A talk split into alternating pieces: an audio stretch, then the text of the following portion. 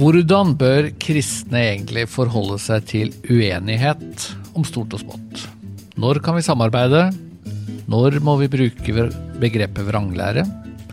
Disse spørsmålene er blitt aktuelle etter at Kari Weiteberg var gjest i forrige podkast. Og vi skal også snakke litt om forhold mellom NLM og KRIK, og om NLMs arbeid akkurat nå i Mali. Velkommen til Ottosen og Generalen. Vi starter med presentasjon, Øyvind. Espen, ja, Ottos, Espen Ottosen her, informasjonsleder i Misjonssambandet. Og Øyvind Aasland, generalsekretær i Misjonssambandet. Vi må nesten eh, kommentere litt eh, forrige episode, for den eh, ja. er det mange som har fått med seg? Det ville være litt rart å bare forbigå alt som har vært i det siste i stillhet, og det gjør vi jo ikke. Dagen og Vårt Land har jo vært ganske aktive og fanga opp en del av det vi snakka om, og stilt noen tilleggsspørsmål og litt forskjellig sånn. Ja, det, det, det ble voldsomt. Ja, det. Eh, og, og, det er sikkert noen som ikke har fått med seg alt, så det vi da kan fortelle, er at dagen de har ikke gjort så veldig mye, men de hadde en interessant kommentar. Ja, Tarjei Gilje, som hadde hørt gjennom podkasten og delt noen refleksjoner. Interessant. Verdt å lese. Absolutt. Og så klinte jo Vårt Land til da, med mm. følgende forside. Der sto det sånn Biskop med klar melding. Aksepter meg som en kristen. Ja. Og så var det jeg som da fikk æren av å svare. Ja. Vanskelig å svare på, var det jeg sa. Det hører jo med til historien at jeg fikk det samme spørsmålet. da, Og ja. svarte kanskje litt annerledes og ikke fullt så godt egnet for en litt sånn skarp eh, avisside. Men sånn, i sak så, så, var nok du og meg veldig enige, selv om vi kanskje uttrykte oss litt forskjellig. Ja. Nei, Vi skal kanskje ikke bruke denne episoden for å røpe vår grunnleggende uenighet om, om stort og smått. Men, men, jeg syns jo det er litt sånn fascinerende at, uh, at det jeg da sa, og, og som sto på forsiden, mm. det var altså setningen 'vanskelig å svare på'. Ja.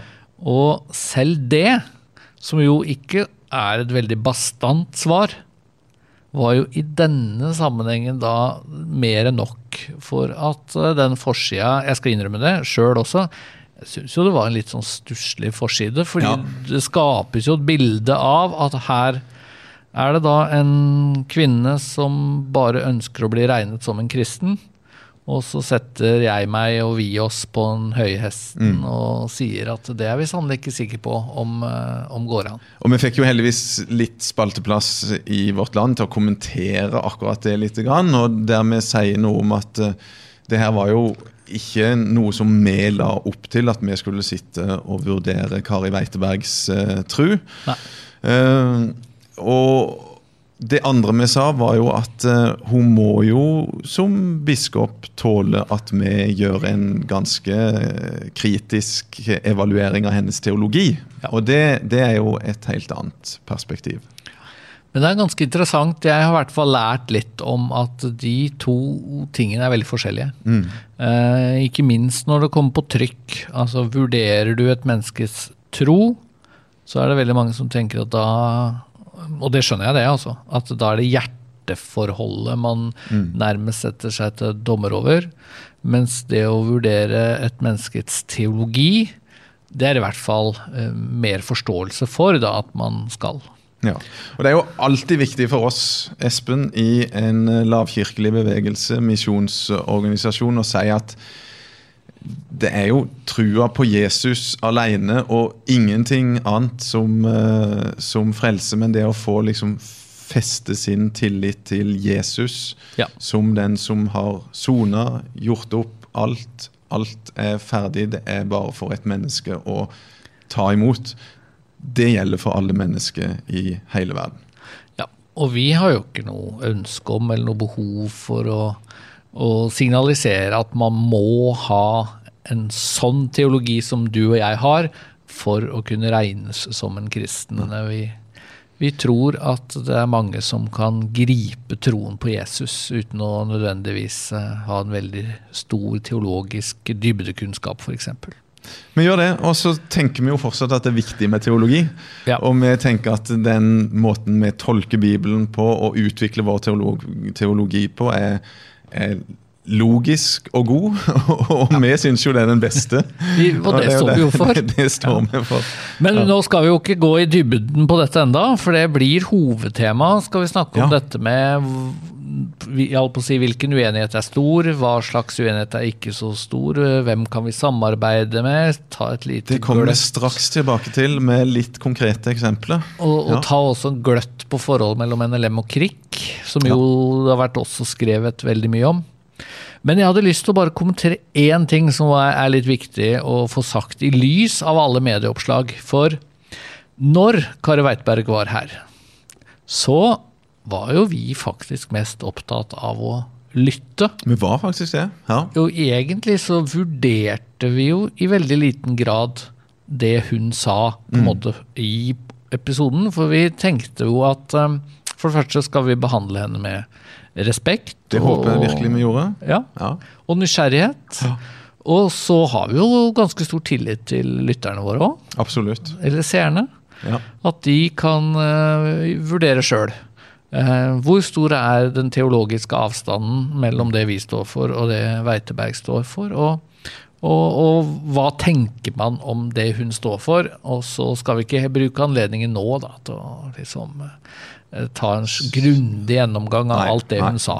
Nei, vi gjør ikke det. Vi har fått mange tilbakemeldinger fra seere og lyttere som tyder på at nettopp det har skjedd. At folk har gjort seg opp sine egne tanker og meninger. Så det har jo vært veldig interessant. Vi setter jo pris på det. Tilbakemeldinger. Ja. Bare slag. Vi har jo vår egen Facebook-side. Ja ganske fascinerende at du selv har ikke en egen Facebook-side, men Ottosen og Generalen, der er vi. Der er vi. Ja, så det er måten å kommunisere med deg Så jeg sniker litt inn på min kones uh, Facebook for å få med meg litt aktuelle oppdateringer der.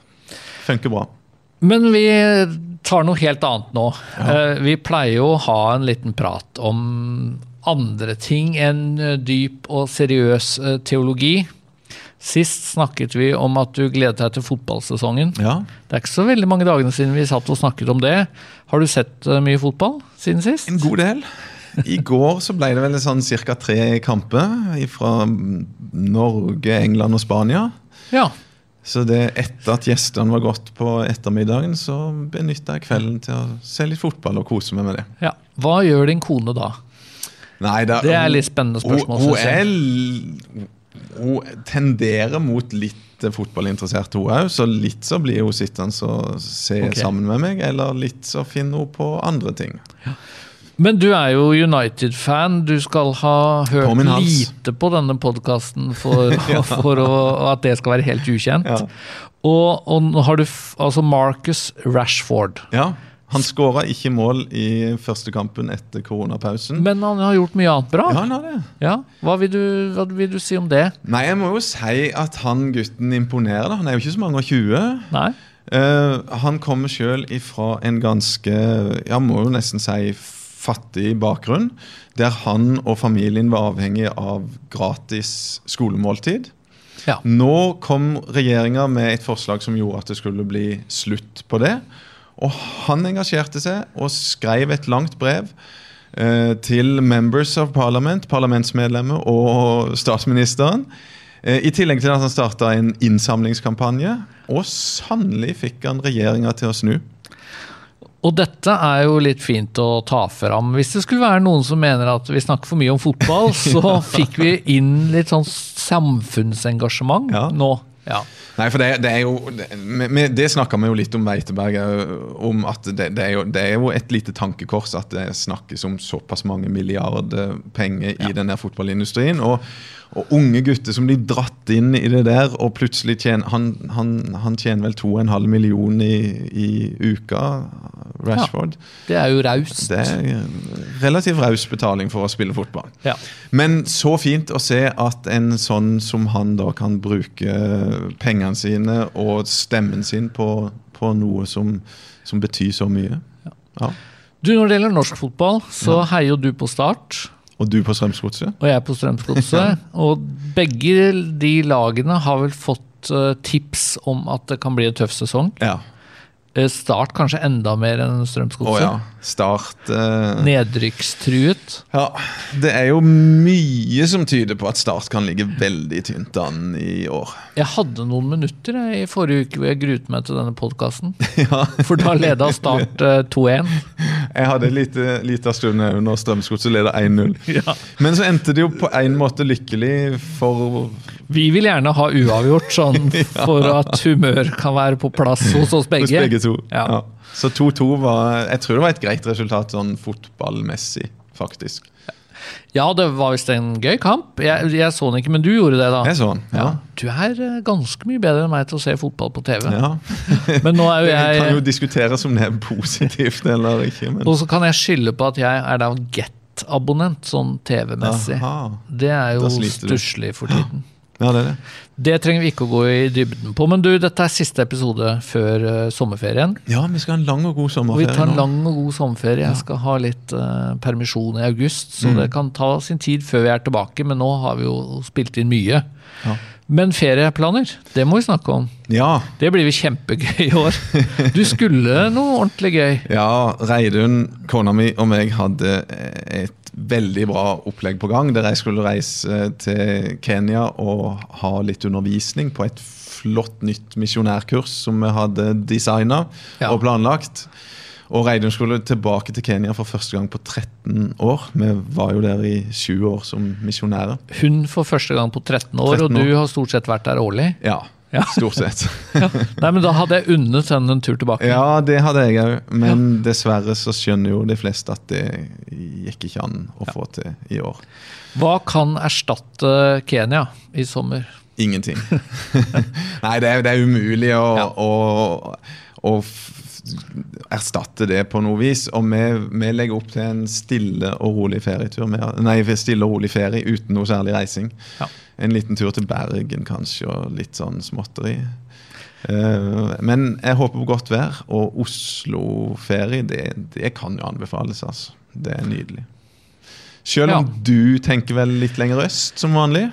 Ja, jeg håper eh, og kommer nok til å komme meg på hytta i Sverige. Ja. Jeg vil gjerne få Ta en karantene for å Det kan bli en karantene, men uh, vi får se. Nå skal norske myndigheter vurdere hver 14. dag hvordan situasjonen er. Men vår hytte ligger jo i Strømstad kommune. Der er det under ti registrerte smittetilfeller. Men du får ikke bruke denne podkasten til å, å Jeg skal ikke argumentere. tale Nei, nei, nei. norske hytteeiers sak. Nei, uff. Nei, det har min kone også sagt. At det, det skal ikke du mene noen ting om, eh, Espen. Og det skal jeg ikke gjøre. Det gjør du ikke. Men så skal jeg ha ferie på, på Jæren, faktisk. På Jæren? Dette visste du ikke. Det visste jeg ikke. Men her kommer jeg trekkende opp med store overraskelser. Ja, ja, ja. Nei, altså kona mi og jeg har da Må jo finne på noen alternativer når det er som det er. Og så har vi da en sønn som har en kjæreste fra Jæren. Og hennes eh, familie har vi bare så vidt sagt eh, hei til. Og Trine mener at eh, det å feriere på Jæren kan bli spennende. Ja. For hun har nesten aldri vært der. Jeg føler jo at jeg er der på Enten er det månen. vind, eller så er det tåke. Jeg snakker av erfaring, men eh, ja. Nei, vi, vi skal på hotellferie på Jæren. Ja. Og jeg er jo der jevnlig, nesten månedlig. Mm. Mens vi har mye venner der og mye folk, og det skal bli stas, tror jeg. Men ellers så får vi håpe på Sverige. Jeg tror, jeg tror Jæren blir fint. altså. Jeg, jeg, jeg, som du vet, så er jo jeg jo veldig mye på Jæren. Både Ja. i tjeneste og familiært, og det er jo kjempeflott der. altså. Været trenger ikke å være topp, men veldig mye annet som er veldig bra. Du, vi må også si noe om hvordan går det egentlig med NLM Ja. eh, for tiden. For eh, vi har jo hatt noen episoder, men det begynner å bli en stund siden, om Mm. koronasituasjonen og tøffe tak. Ja. Går det bedre nå? Ja, er du det- bekymra? Nei, jeg er ikke veldig bekymra, men det, det, det er sjelden egentlig at jeg blir veldig bekymra, som du vet. Men, men det er klart, ei stund her så, så var det jo grunn til bekymring med, med 200 permitterte og en økonomisk situasjon som var veldig usikker og så ganske dyster ut. Og det er ikke sånn at alt det er snudd på nå, men, men vi er i ferd med å få tilbake eh, de ansatte. Ja. Eh, Det er ikke så mange som er permitterte nå, as we speak. Og over ferien så håper vi at det bildet, og tror at det bildet ser helt annerledes ut. Vi, slipper å si opp kan, folk. Vi kan jo faktisk bruke denne podkasten til å fortelle at uh, med kanskje noen få unntak kommer alle Ja. tilbake på jobb 1. juli. Det er vi veldig, veldig glad for. Ja.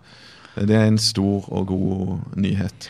Og så er det noen noe utfordringer på leirsteder, da. Det skal vi jo sies. Det er vel de Ja. som kanskje rammes aller hardest av at det er så utrolig mye mindre aktivitet nå. Ja, Litt ulik situasjon der òg, men, men jevnt over så er det ganske tøft, ja. Eh, Den økonomiske situasjonen eh, Vi må jo bare takke folk som virkelig står opp og gir ekstra til NLM i denne tida. Det har vi opplevd hele veien. Ja, er jo- Kreativitet, giverglede, trofasthet. Det, det er sterkt å se, altså. Ja, virkelig.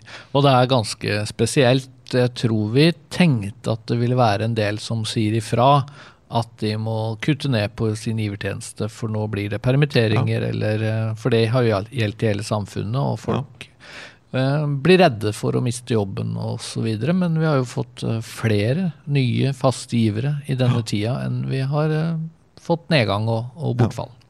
Ja, så vi er, vi er veldig takknemlige for det. Og, og den økonomiske vi, vi, Det er jo altfor tidlig å si om hvordan året vil ende ut, men, men sånn veldig bra blir det selvfølgelig ikke, med bortfall av uh, gjenbruksinntekter og sånn. Men jeg, jeg tror det blir atskillig bedre enn vi en stund frykta, altså. Så, så sånn oppsummert så, så er vi letta og glad, kan vi ikke si det, Jo. akkurat nå?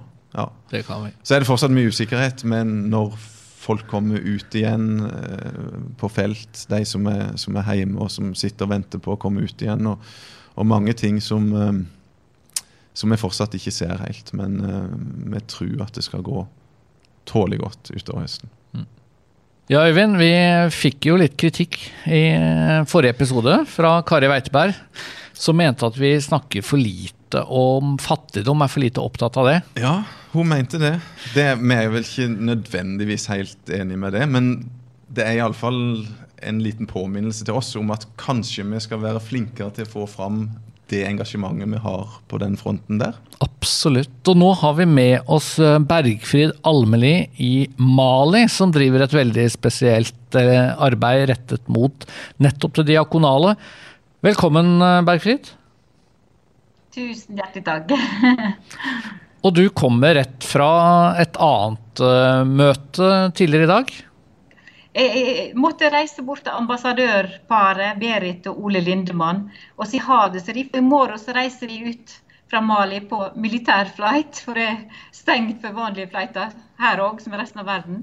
Så jeg måtte bare ned og si en stor takk for dem, for de har vært et sånt fantastisk ektepar her i tre år. Ambassadørektepar i tre år og skapt et norsk hus med utrolig masse relasjoner utøvd og skapt møtepunkt og bundet folk sammen. Og har hele tida hatt et vidunderlig hjerte både til nordmenn og ikke minst til maliere. Og en enorm sånn respekt og, og kjærlighet som ja, Jeg måtte være med og takke dem, for de har vært så enestående som ambassadører for Norge. Så flott å høre. Veldig kjekt å være med på podkast på direkten òg. Det er veldig bra. Du, Kan ikke du si litt om eh, hvordan situasjonen er eh, i Mali akkurat nå? Eh, Det sies jo i nyhetene at Afrika ikke er så rammet av koronakrisen. Hvordan opplever du det? Altså, det, det, har liksom ikke blitt den store eksplosjonen av virussmitte eh, her i Mali. Det er nesten så ca. 2000 som er smitta nå, så langt. Og i går så, så jeg at det var oppe i 109 som er døde. Så det, det har jo liksom ikke tatt av veldig ennå. Um, det gjør litt at folk begynner å bli litt sånn relaxed i forhold til eh, korona, altså ta tiltak i forhold til smitte. De sier at nei, nå er det jo no, det, det, er jo ikke noe med korona her, og så begynner en å liksom slakke litt på. mens det, det, er jo nå det begynner litt. Så jeg, jeg vet ikke helt hvordan det fikk av gårde, men uh, ja. Det som kanskje er en annen side ved Mali sin situasjon, det er jo at det er veldig sånn en politisk litt spent situasjon med mm. En veldig stor misnøye med, med styresmaktene, president og regjering. Og det har vært store demonstrasjoner for å få regjeringa til å gå av, og presidenten òg.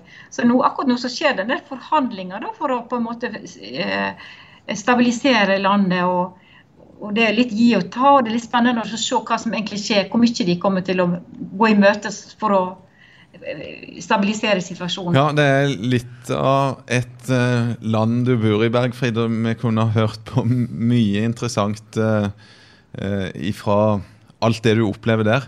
Men vi hadde jo lyst til å høre mer om den diakonale prosjektet. Jeg må innrømme at sjøl så er jeg veldig fascinert av det som du blant andre driver på med. Og, og det handler om uh, gullgraving, og det handler om å ta tilbake jord og elver etter skadevirkninger fra gullgraveindustrien. Går det an å si det sånn?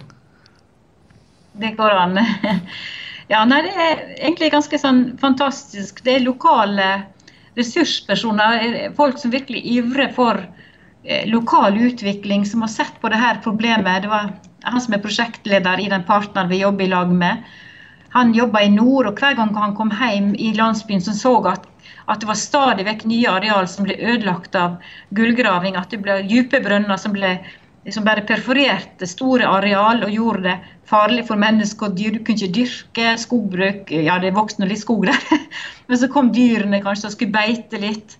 Og så datt de ned i hullene. Og, og, så det var rett og slett sånne areal som ble liggende ødelagte. Det, ikke bare at de var ødelagt for at ikke du kunne bruke dem, men de tok jo òg liv i sånn post gullgraving og tok kontakt med Misjonssambandet, oss som var i landsbyen, og sa at det er dere som må hjelpe oss. Vi har prøvd så mange plasser til å eh, finne, finne noen som kan prøve å hjelpe oss til å, å ta tilbake eh, denne ressursen og ja, drive med, med utviklingsarbeid her. Så, den utfordringa tok, den utfordringa tok du. Og hva, hva, er det det har ført til så langt? Altså, det, det har jo eh, det har ført til at vi, den organisasjonen de jobber veldig uh, basert i lokalbefolkninga. Og det er fire store klaner som er på en måte jordeierne. Altså det er bruksrett i jorda.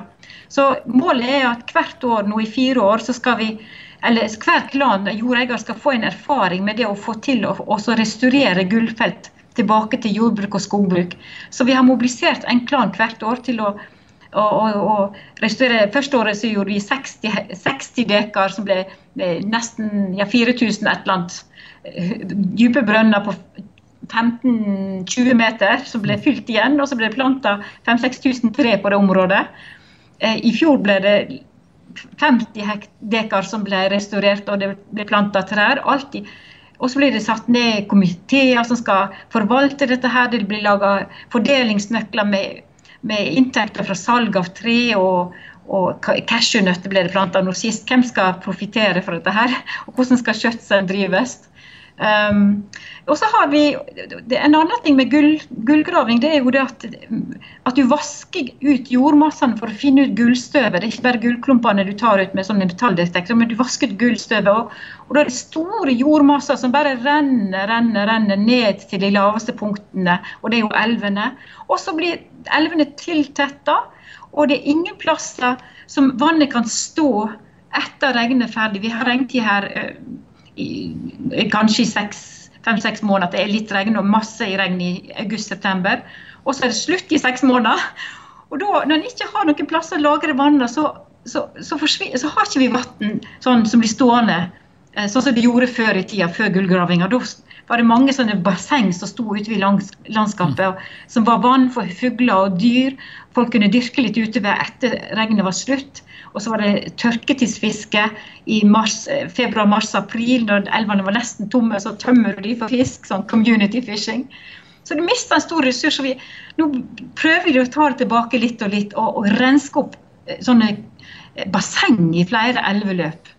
For det er, et, eh, det er et tørt område du holder til i. Både jeg og Øyvind har jo vært der, og det, det er både varmt og tørt sånn store deler av året. Ja, det, det, det er jo et, et Sahel-område sånn klimatisk sør for Sahara. Og det, det, det, er ikke det tørreste området, for vi har fremdeles litt grann sånn Vi har savanneskog, men det er jo seks måneder uten regn.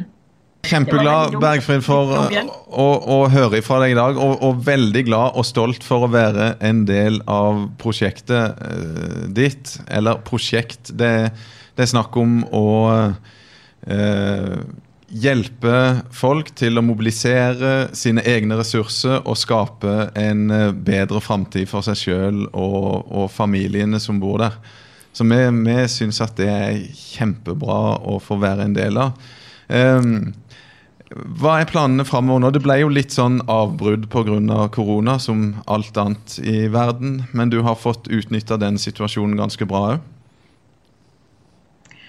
Ja, jeg er utrolig glad for at jeg fikk lov til å være, fortsette å være her i Mali. Og det, det ga jo en kjempeanledning da når Digni og NLM åpna opp for at vi kunne omdisponere penger i år til koronaforebyggende prosjekt. Så så la vi det her med restaurering av gullfelt på, på pause i år, for det samlet så mye folk at jeg fant ut at det kunne ikke vi gjøre. Og så fikk vi bruke de pengene til å drive koronaforebyggende arbeid i faktisk ni kommuner, og med mest fokus på de fire kommunene i vårt underfylke. Men hele Kankaba-fylket, som vi er del av, de har fått nytt godt av de omdisponerte prosjektmidlene. Og da er det først og fremst i de fire kommunene som vi snakket om først, var det materiell og, og opplæring av helsepersonell for videre um, informasjonskampanje ute i landsbyer. Og for de øvrige kommunene så var det spesielt dette her med opplæring av kommuneleger, som igjen lærte opp sine helsearbeidere. Og så var det en sånn kampanje i tre dager der disse helsearbeiderne gikk fra dør til dør og fortalte husholdninger om eh, hvordan korona smitter, hvordan du kan beskytte deg. Og, og, det er jo mange som ikke tror på at det finnes engang dette viruset. Så det er ja, et viktig forebyggende arbeid. Mm. Tror jeg vi fikk være med på. Så bra. Jeg har veldig lyst til å si at eh, det at jeg var her, det, gjorde at jeg fikk lov til å være med på noe annet som jeg hadde veldig glede av. Eh, nå er jeg litt tilbake til disse her elvene. for jeg, i fjor så ble det gravd ut et basseng på ei elveslette. Og det holdt vann helt til slutten av april. Og da ble det arrangert sånn community fishing. Og vi prøvde å regne litt på hvor mye fisk det egentlig De fikk de tre dagene i slutten av april, begynnelsen av mai. Og, og vi mener på at det var nesten ni tonn som ble fiska av den lille oi, fiskedammen. Oi. Og vi har ikke satt ut noen ting. Ingen fòring. Det er bare sånn naturen har gitt oss. Fantastisk. Så bra å ja. høre hvor mye forskjellig som eh, du har vært involvert i, og, og, den forskjellen disse prosjektene har gjort. Så takk skal du ha, Bergfrid, og masse lykke til eh, videre i Mali om alt det du står i. Tusen takk, Bergfrid. Kjempeflott at du var med. Jeg håper at du får deg litt ferie òg etter hvert. da. Og tatt deg litt fri og slappe av. Det blir kanskje utpå høsten en gang. Får ikke så mye fly. ja, det var uh, en fin prat med Bergfrid, som faktisk er den eneste utsendingen akkurat nå i Vest-Afrika. Ja. Bergfrid er fantastisk, og det er inspirerende å få snakke med henne. Og så håper vi at vi kan varsle i løpet av høsten at vi får nye folk på plass eh, både i Mali og Elfenbenskysten.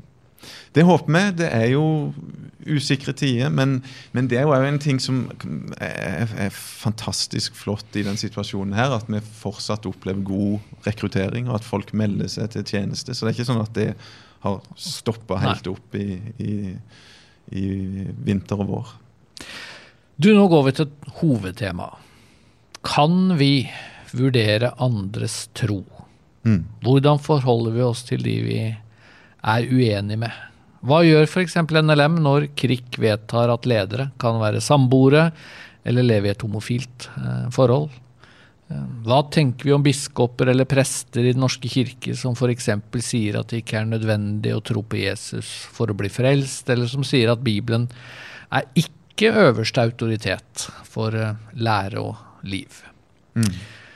Det må vi snakke litt om, Øyvind, og i lys også av disse medieoppslagene etter forrige episode. Ja, vi var jo så vidt inne på det innledningsvis. Og det er klart det her er sånn veldig følsomme tema. da. Ja, det er det. Og, og vi liker jo heller ikke å, å, sitte og liksom, som du var inne på, opphøye oss sjøl og liksom bedømme andres tro. For tro er jo tillit til Jesus i, i, i vår definisjon av kristen tro. er ja. Tillit til Jesus og det han har gjort. Sona uh, vår synd og skyld. Overvunnet død og alle vonde krefter. Og bana veien så vi kan ha fellesskap med Gud og et evig håp. Og det står jo en del ting i Bibelen om å ransake seg selv. Mm. Og det står ganske alvorlige ting om at eh, det går an å tro at man er en kristen og ikke være det. Mm. Og jeg tenker jo at det hører hjemme på en talerstol. Man skal, man skal, kunne våge å utfordre mennesker som lytter. Er det helt sikkert at du lever i et rett forhold til Gud? Absolutt. Men da må vi også gjøre det på en sånn måte at vi ikke tenker at det ikke gjelder oss. Mm. Også en predikant eh, bør jo jevnlig stille seg selv spørsmålet er det helt sikkert at, eh, at jeg faktisk eh, holder fast på det som er det sentrale i troen. Mm. tror vi at det finnes en djevel? Tror vi at det er en åndskamp som vi står i? Så går det jo an å, å miste troen og, og, bomme på den måten. Absolutt. Og, og liksom, å underslå det, det er jo ikke bibelsk. Og ikke fortelle folk om den muligheten for at en kan falle fra trua i løpet av et liv, mm. ville jo ikke være å snakke sant. Nei. Og, og, og, ville ikke være noen god form for kjærlighet i det hele tatt, selv om det kanskje kan oppfattes sånn at det å, å, la være å snakke om det, det er kjærlig og godt. Og hvis du snakker om det, så er du dømmende og hard. Ja, for det er klart at det enkleste er jo bare å si, på å si uansett eh, hvem det gjelder og hva det gjelder, at selvfølgelig vil vedkommende bli frelst. Ja. Gud er jo god. Ja. Eh, nåden gjelder alle. Eh, og det er jo kanskje da vår uro og skepsis eh, i møte med ganske mye av det som foregår i Den norske kirke. Det er jo faktisk det. Eh, at, at, her eh, åpner man egentlig eh, nærmest på Guds vegne døren til det evige liv for alle, uansett tro, uansett liv. Mm. Eh, kallet til omvendelse, viktigheten av tro, blir litt borte. Ja, det blir borte. og det det, det, som er viktig for oss å si, det er jo ikke, er jo ikke noe sånn NLM-greie eller noe sånn Espen og Øyvind-greie at, at, at, at, vi gjerne vil få fram det her. Men vi tenker jo at det er et dypt viktig bibelsk anliggende eh, som det er om å gjøre for oss å få fram. Ja. Og, og, og, og det, det, er ikke snakk om at eh, vi Jeg tror egentlig ikke det er så fryktelig fryktelig mye den typen forkynnelse som noen vil kalle for sånn skremselsforkynnelse. og sånn. Kanskje til og med litt for lite på bedehuset i dag. Men, men ja, for det er i hvert fall mye alvor i Bibelen knyttet til ja, det dette. Og det tenker jeg at det er en eller annen forskjell der som er viktig å få fram mellom altså skremselsforkynnelse mm. eller fordømmende forkynnelse, eller hva man nå kaller det. det. Det er mange sånne merkelapper vi kan bruke og si at dette er ikke bra. Eh, men, men alvoret knytta til at det er viktig å tro på Jesus og leve rett med Gud, mm. det, det, ønsker vi faktisk å, å, løfte fram. Absolutt. Men så er det jo det at vi kan jo ikke dømme hjertet. Vi, vi, skal overlate dommen til Gud, og det var jo det jeg syns var det vanskeligste med det oppslaget vårt land hadde. Ja. Uh, at uh, det kunne i hvert fall oppfattes som om vi eh, hadde bestemt oss for at det skal mye til før vi setter godkjenningsstempel på noens tro. Mm. Eh, det var ikke noe stas. Og, og, det har jo kokt litt på sosiale medier etter dette også. Mm. Eh, vi har fått gode tilbakemeldinger på mm. podkasten. Eh, nesten bare. Men, men akkurat akkurat på litt av det som sto i Vårt Land, så har det vært litt andre tilbakemeldinger. Litt uh, mixed signals der, ja. ja. Men så er det jo interessant også at hvis mennesker gir beskjed om at eh, nei, jeg er ikke kristen, da kan vi jo ikke regne dem som kristne heller. Nei. Og det er jo litt interessant med Den norske kirke, at der har du jo en del som vil si ja, men de er jo døpt. Mm. Uh, og det er noe av det som jeg syns er litt sånn uh, frustrerende når det f.eks. er kirkevalg og den slags. At, uh, at, det er jo til og med en del prester og biskoper og den slags som syns det er flott at mennesker som er tydelige på at 'jeg tror ikke på det kristne budskapet', at de stemmer og engasjerer seg, og for, for er de døpt, så er de fullverdige medlemmer mm. i kirken. Punktum. Det er, ja, det er, jo, det er jo noe med å ta folk på alvor. Det er jo da hva, hva, Fortelle deg sjøl om sin tro. Og hvis de positivt sier at de ikke vil ha noe med Jesus å gjøre, eller bibelsk forkynnelse, det betyr ingenting for dem, så må vi jo anerkjenne det de sier, og være skvære og redelige på det. Jeg tror jeg hadde blitt ganske sur jeg, hvis jeg sa sjøl at ja. jeg tror ikke, jeg vil ikke ha noe med det å gjøre. Men så, så, så står det biskop og prest og sier at jo, du er, du, du er kristen, for du er døpt. Ja, og, og, og det, det, har jo vært vanlig i norske kirker også å be om at uh, man skal kalle de frafalne tilbake til dåpens mm. nåde, mm. er vel den gamle formuleringen. Og det ligger jo i den at uh, du kan forlate dåpens ja. nåde, du kan forlate troen, og da er det en omvendelse som er nødvendig. Ja. Og så er det jo det andre i, som vi snakka om. Når det gjelder det å, å, å, bedømme andres tro, så vil vi være forsiktige, snakke varsomt om det og, og alt som vi har uh, prøvd å belyse litt nå. Også, også når en offentlig kristen person står fram, som attpåtil har ansvar i Den norske kirke, en biskop f.eks. Så er det ganske viktig for oss å si noe om vedkommendes teologi. Ja.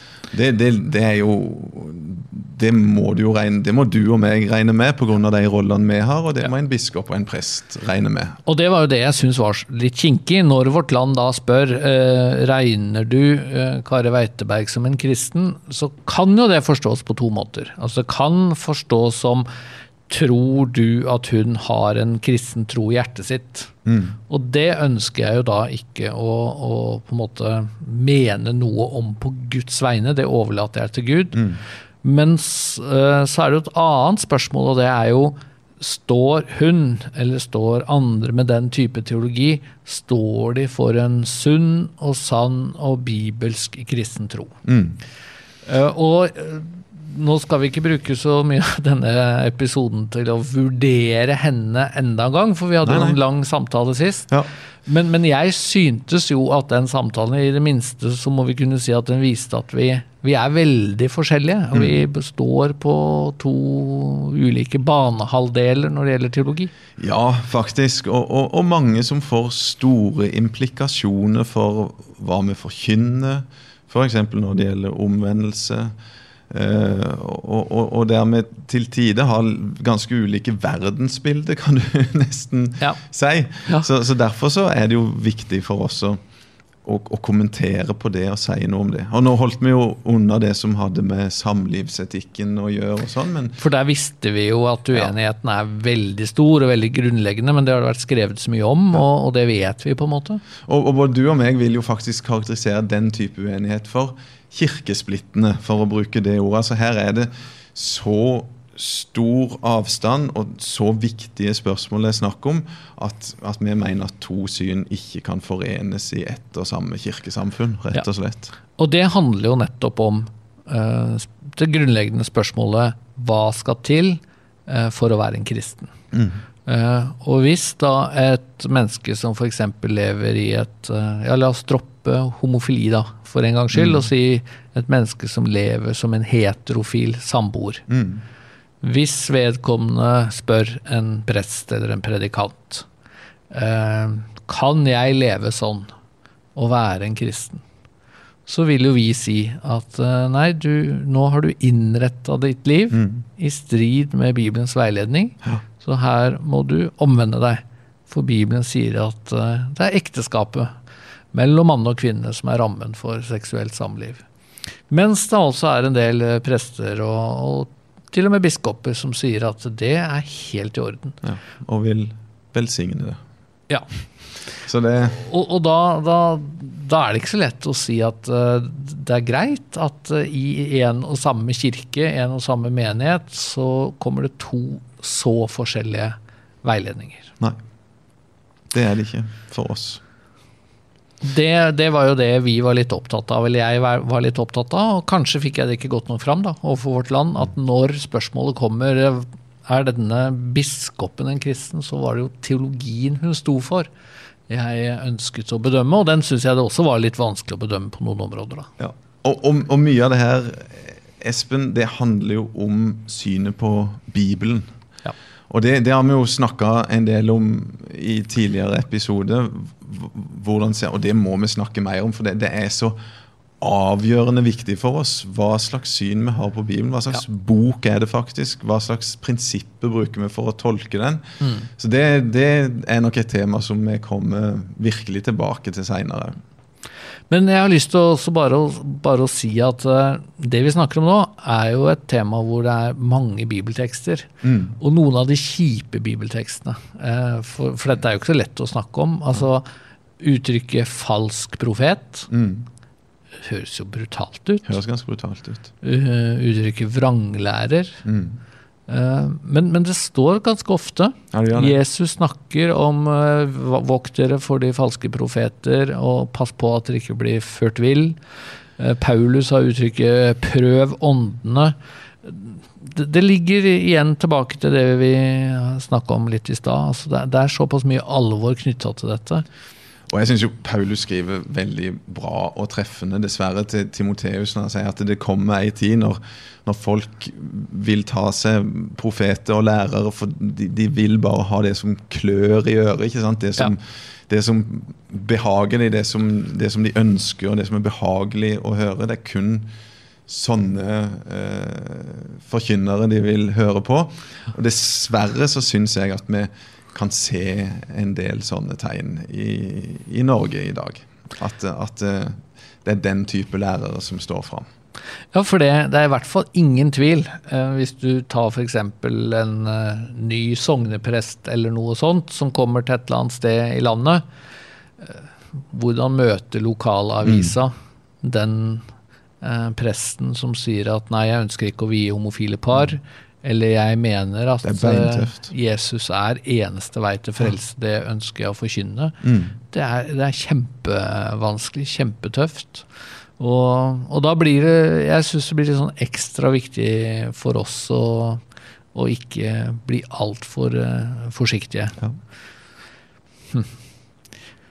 Uh, du, vi har allerede varslet at vi må snakke litt om krig. Ja, det må vi gjøre. Og KRIK, eh, for de som ikke er helt inside, Kristen idrettskontakt var ja. i hvert fall det gamle navnet. Ja. En kristen tverrkirkelig idrettsorganisasjon. Mm. De eh, har eh, skapt litt problemer for oss, eller for deg. Ja, for du har jo blitt intervjua utallige ganger ja, i Vårt Land og Dagen, faktisk, ja. i over et år. Eh, det har jeg. Og noen har beskyldt meg for å være for tøff og hard med krig. Noen har beskyldt meg for å være litt for soft og unnvikende. Hvem har rett? Ja, hvem har rett? altså, det, det har vært en Krik hadde jo en sånn opprydding i det som de kalte for spillereglene ja. sine. Eh, der de på en måte satte inn igjen at ekteskapet var Guds ordning, og, og, og at det var mellom mann og kvinne. Mm. Det, det sto opprinnelig noen spilleregler, så var det visst kommet vekk. Og så tok de det inn igjen, og det starta en voldsom intern eh, debatt eh, i krig. Ja. Og, og, løsningen som styret etter hvert eh, kom fram med, og det bakte jo en viss eh, oppsikt, var jo det at eh, fortsatt, eller som styret og etter hvert generalforsamlinga bestemte, var at eh, eh, ekteskapet er Guds gode ordning. Det vil en heve Nei, hva er det som er uttrykket? Husker du? Løfte fram. Løfte fram. Og da altså underforstått, for det blir kanskje ikke sagt sånn helt tydelig og klart, men at ekteskapet er en ordning for mann og kvinne, ja. og det er det som skal forkynnes. Med andre ord, Det vil krig stå for. Ja, Man anerkjenner da ikke eh, et homofilt forhold Nei. som et uh, bibelsk ekteskap. Og det er bra. Det syns vi er veldig bra, og det er en sånn klargjøring som er fin fra Krig side. Men det som uh, ikke er så bra etter vårt syn, det er jo at de har sagt noen ganske sånn åpne ting om at du kan likevel være leder i krigssammenheng, selv om du lever i et ja, samboerforhold eller et homofilt parforhold. Du kan det, være frivillig leder. Frivillig leder. Og så har de diskutert om kan man også være ansatt. Mm. Og det er det siste hvor de da har konkludert med at de, du kan være ansatt og være i et samboerforhold eller et homofilt forhold hvis ikke du har en veldig viktig teologisk rolle. Kan man si det sånn? rolle. Ja, ja, Noe i den duren der. Så den, den saken har vært litt uh, kinkig for oss og for meg, fordi at jeg tenker at uh, KRIK er en uh, ung og frisk og god organisasjon. Mm. Som vi egentlig ønsker å, å, jobbe sammen med. Vi har et samarbeid på Fjellhaug bibelskole f.eks. Men samtidig, hvis vi hvis vi gjennom det samarbeidet, og hvis vi faktisk ser at uh, forkynnelsen blir annerledes i krig enn det vi ønsker på de her viktige tinga inn i sårbare unge menneskers liv, så, så tenker vi at det, det, er ikke mulig for oss å samarbeide med dem. Men å, sitte sånn og snakke om en annen organisasjon er jo litt ubehagelig, og vi vil jo helst snakke med de det gjelder. og det har vært... Uh, Men du har vært ganske nøye på det? Ja. Snakka mange ganger med generalsekretæren i KRIK for å være helt sikker på at du vet hva ja. de har landa på? Og, og, min siste, det, det, som jeg konkluderte med nå sist, var at vi, vi foreløpig sier at, uh, så sier vi at samarbeidet avsluttes ikke. Men er det noe særlig samarbeid, da? Nei, Egentlig? det er jo akkurat det. da. Det, det Som jo, formelt? Formelt så er det den samarbeidsavtalen med Bibelskolen. Ja. Eh, og, og, og, jeg ønsker å snakke litt med styret der utover høsten. Og jeg ønsker å snakke litt mer med KRIK, sånn at vi kan, kan lande denne saken endelig etter hvert. Eh, men for meg så har det vært viktig å, å, ikke konkludere for raskt eller på feil grunnlag, og at vi kan holde en god dialog. Ja, og det jeg i hvert fall tenker er jo at det, det er jo kinkig dette, fordi at eh, det er ganske opplagt at NLM ønsker ikke å samarbeide med organisasjoner på et formelt grunnlag som står for det motsatte av det vi står for i disse spørsmålene. Det sier seg jo egentlig sjøl, på ja. bakgrunn av det vi har sagt men, allerede. Men KRIK har jo ikke skifta syn. Nei. Men de har en noe annerledes uh, uh, praksis og en noe annerledes måte å tenke om både ansatte og frivillige enn det vi mener er, er bra. Mm. Og så er spørsmålet hva slags konsekvenser skal det da få. Og det vi vel er mest spent på, det er jo Betyr dette at de toner ned spørsmålet og mener at samlivsspørsmål det, det er fillespørsmål hvor, ja. Eh, som vi egentlig aldri trenger å diskutere og snakke mm. om?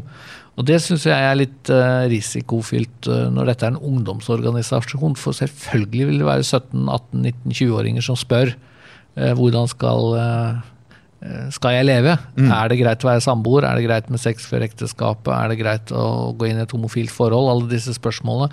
Det er litt trist hvis eh, den organisasjonen da ikke sier noe særlig annet enn noen små setninger som er gjemt i et eller annet ja, dokument. Litt trist er en forsiktig okay, uttrykk da. der. Ja. Absolutt. Men vi må være sikre på at eh, våre ungdommer, for å kalle dem det, da, eh, kan få sann og sunn veiledning i de spørsmålene her. Ja. Du, øh, det var hovedtema ja. som vi fikk tatt en liten gjennomgang av. Uh, siste punkt på programmet for denne podkasten, det er innsendte spørsmål. Ja. Som vi kanskje kan kombinere med en liten oppsummering av uh, denne våren. Ja. Eh, vi har fått, eh, eller vi ba på Facebook om å få spørsmål eller kommentarer, og, og det kom ganske mange positive tilbakemeldinger og takk. Mm. Og veldig glad for at det er flere som sa at det var bra at vi møter eh, mennesker som står helt annerledes plassert enn det vi gjør. At vi møter dem med, med respekt. Mm. Det, det er det flere som sier at det må vi ha mer av, så det tar vi med oss. Ja, vi tar med oss det. Men så er det jo noen som spør da, er det riktig å invitere gjester som står langt unna det vi står for? Gir vi dem ikke en talerstol når de får lov å komme til podkasten vår? Eller legitimerer vi det de står for? Mm. Hva skal vi tenke om det? Ja, nei, det, det, jeg, jeg, tror jo ikke det er mange som har hørt uh, episoden med Kari Weiteberg, eller den med Morten Hegseth for den del, som tenker at vi, vi har legitimert det de står for, eller hjelper dem å, å promotere det. Men, men, men, vi syns jo at sånn, det er viktig å snakke med de som mener noe annet enn oss. Få fram uh, ulike meninger og, og faktisk uh, på den måten kanskje få enda bedre fram hva vi mener sjøl, og hvorfor ja. vi mener det, og hvorfor vi tenker at disse spørsmålene er viktige. Så vi, vi tenker jo ikke Hadde vi invitert noen av de som taler på UL eller generalforsamlingen vår, eller noe sånt, så hadde jeg forstått det med å Ja, for det er veldig viktig å si at, at vi tenker jo ikke at denne podkasten er en slags talerstol. Eh, hvor vi inviterer folk som vi mener har noe veldig viktig og godt å bringe. Det er ikke det som er grunnlaget for samtalen vi har her. Men de fleste av dem vi inviterer, er jo folk som vi stort sett er enig i. ja da. Men, men, og, og vi, vi, vil jo ikke snakke med folk vi tenker det ikke er interessant å høre på, men, men det, det, kan jo være og, og, ordentlig interessant en gang iblant å snakke med folk som tenker helt annerledes enn oss. Og det vil vi fortsette med. Det ja. syns vi er spennende, og, og vi tror at det er viktig og godt for folk å høre på den type samtale. Ja, jeg tror det kan gjøre folk uh, klokere. For jeg Det snakkes jo veldig ofte om ekkokammer. Mm. Uh, og det kan jo være en fare at uh, Det blir mye ekko hvis bare du og meg sitter og snakker sammen hele tida. Bortsett fra fotball, da. Der blir vi ikke helt enige. Men, nei, men ellers er det jo en fare for at når vi da snakker om folk som vi er veldig uenige med, istedenfor at vi prøver å i hvert fall forstå hvorfor de tenker som de tenker, Eh, så bare argumenterer vi som om de ikke har skjønt noen ting. Mm. Um, og det er jo ikke bra når virkeligheten ofte er litt mer kompleks. Og det, det kan være spennende å finne ut ja, men hvorfor tenker man som man tenker. Absolutt. Og jeg håper jo at, at folk eh, kan få sjansen til å snakke med folk som mener noe helt annet, tror noe helt annet. Og at kanskje vi kan være med og gi en ørliten inspirasjon til eh, at det faktisk eh, kan skje. da. Ja, for det er jo viktig for oss i en misjonsorganisasjon å ikke være redde for å snakke med folk som mener noe helt annet. Det blir ikke mye misjon hvis man ikke, eh, ikke, tør det. Nei. Du, takk for praten. God sommer etter hvert. Vi snakkes igjen, vi, sånn litt utpå høsten. Det blir en god pause. Nå skal vi ha skikkelig god sommerferie. Så takk i like måte. Og til alle som ser på oss og lytter til oss, takk for følget så langt.